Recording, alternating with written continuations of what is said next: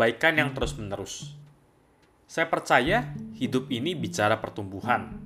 Tentunya, hidup ini kalau terus-menerus monoton akan menjadi membosankan.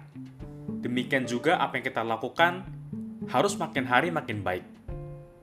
Beberapa pertanyaan penting yang perlu kita ajukan dalam diri kita adalah apa yang sudah saya lakukan dengan baik hari ini dan bagaimana saya dapat meningkatkannya di keesokan hari. Dan mulai saat ini juga, apa saja yang dapat saya lakukan supaya makin efektif, makin efisien, dan makin baik.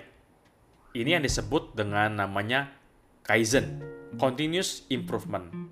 Nah, kalau kita punya semangat seperti ini, melakukan sesuatu dengan lebih baik, lebih cepat, lebih efisien, saya percaya orang-orang yang menerima pelayanan dari kita tentunya mereka akan semakin puas.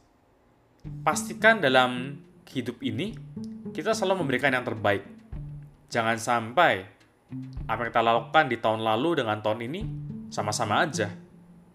Pastikan di hari ini, bulan depan, tahun depan, kita jadi lebih baik. Saya percaya kalau kita memang meluangkan waktu kita dan kita komitmen, kita punya keinginan dan kemauan untuk melakukannya, pasti itu akan terjadi. Demikian dari saya Adrian Luis. Sukses untuk Anda. God bless you.